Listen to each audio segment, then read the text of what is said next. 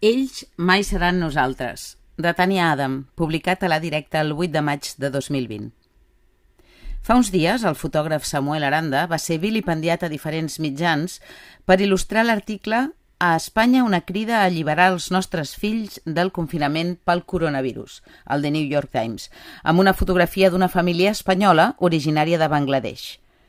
És igual que la família portés 17 anys per aquestes terres i que els seus fills, nascuts aquí, fossin espanyols. L'opinió pública, basant-se en les diferències superficials i visibles, va considerar que ells no són nosaltres i que la seva representació com a ciutadans autòctons danya greument l'imaginari d'Espanya, que al seu entendre ja estava deteriorat. Probablement la representació racial molesta tant com la de classe, ja que el que estan dient és que nosaltres no som així.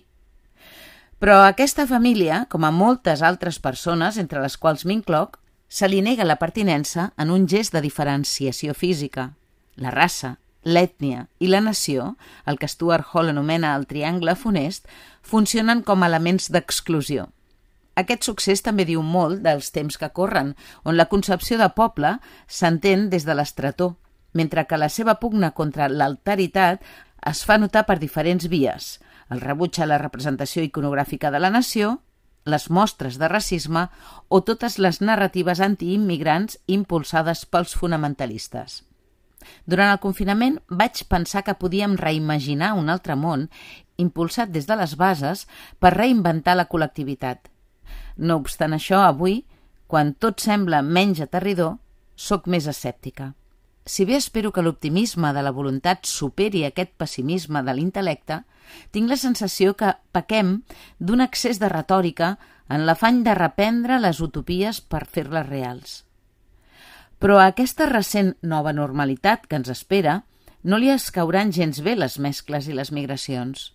Els episodis al voltant de la identitat nacional seran recurrents i, al meu entendre, aquest rebuig a la diferència dificultarà qualsevol tasca de construcció col·lectiva.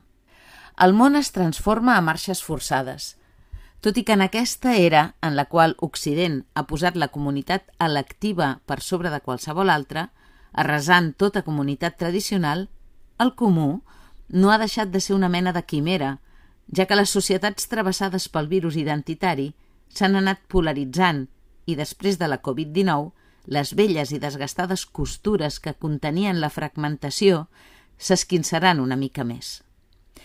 Llavors, com creem comunitats que deixin de banda els particularismes i construeixin el bé comú?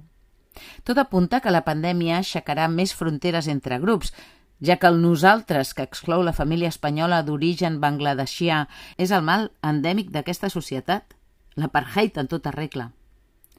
Quan el nosaltres es creen paràmetres identitaris, siguin religiosos, racials, de classe o polítics, no hi ha possibilitat d'articulació de situacions comunes, perquè els nosaltres són enemics, tenen autorreferents focalitzats en la seva ideologia o en la seva raó de ser. D'altra banda, potser a ningú se li ha acudit pensar que a la família tampoc li interessa gens ni mica convertir-se en nosaltres, cosa que no vol dir que no tinguin dret a la pertinença. En qualsevol cas, em costa veure avui dia que puguem passar de les fronteres de l'individu al comú sense pagar els peatges identitaris, les fronteres de nacions dins de les nacions. Potser fins que no aprenguem a viure en la complexitat i assumim la vulnerabilitat a la diferència, caldrà centrar-se en comunitats efímeres. Fast food davant la impossibilitat d'altres estaments, d'altres afiliacions més transversals que ens dignifiquin enmig del capitalisme més arrasador. Aquest episodi de la fotografia de Samuel Aranda apunta d'on veníem i la direcció cap a on anem. L'hostilitat i l'estretó de mires cap allò racial i l'alteritat. Malauradament, aquestes no són les úniques batalles. La del poder nacional és encara més cruenta. Però sigui quina sigui la pugna, els pensaments grupals, polítics, religiosos, racials, no fan més que reforçar les nocions jeràrquiques.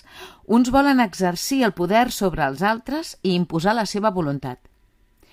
Hi ha una incapacitat de vetllar pel bé comú. Amb aquesta atmosfera no hi ha possibilitat de solidaritat ni de diàleg, suposo que tots estem sent testimonis de la política de la continuació de la guerra, però per altres mitjans. Finalment em pregunto com és possible vetllar pel comú en l'era del distanciament social.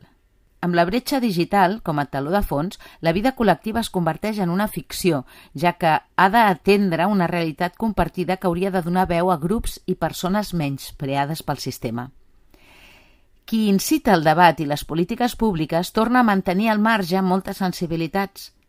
Per tot, sospito del gir cap al comú i que el rearmament del contracte social sigui més humanista i menys utilitari. La realitat juga en contra i sortirem perdent si ens abracem a la impossibilitat de refer un altre comú en el qual projectem un altre tipus de relacions. Mentrestant i enmig de tot aquest caos, l'única comunitat que sembla albirar és la vinculada a l'economia de subsistència, la comunitat estamental, de la sang i de la raça. Tornarem enrere, és clar, i el plat de la desigualtat es servirà de nou, i la família, i no tant l'Estat, es presenta com la nostra gran salvadora. Per això entenc com un dels grans reptes pensar una altra vegada la idea de família, eliminar-ne qualsevol escletxa relacionada amb allò que Gabriela Wiener ha anomenat el mandat bíblic i biològic, classista, despolititzat, gens divers, a aquesta família amb la finalitat de l'acumulació i la propietat privada i que ha estat tan útil al control social. Tal com diu l'escriptora, haurem d'anar cap a noves unitats familiars triades en les quals col·lectivitzar cures i recursos i donar-se suport mútuament per autogestionar la supervivència de l'eixam.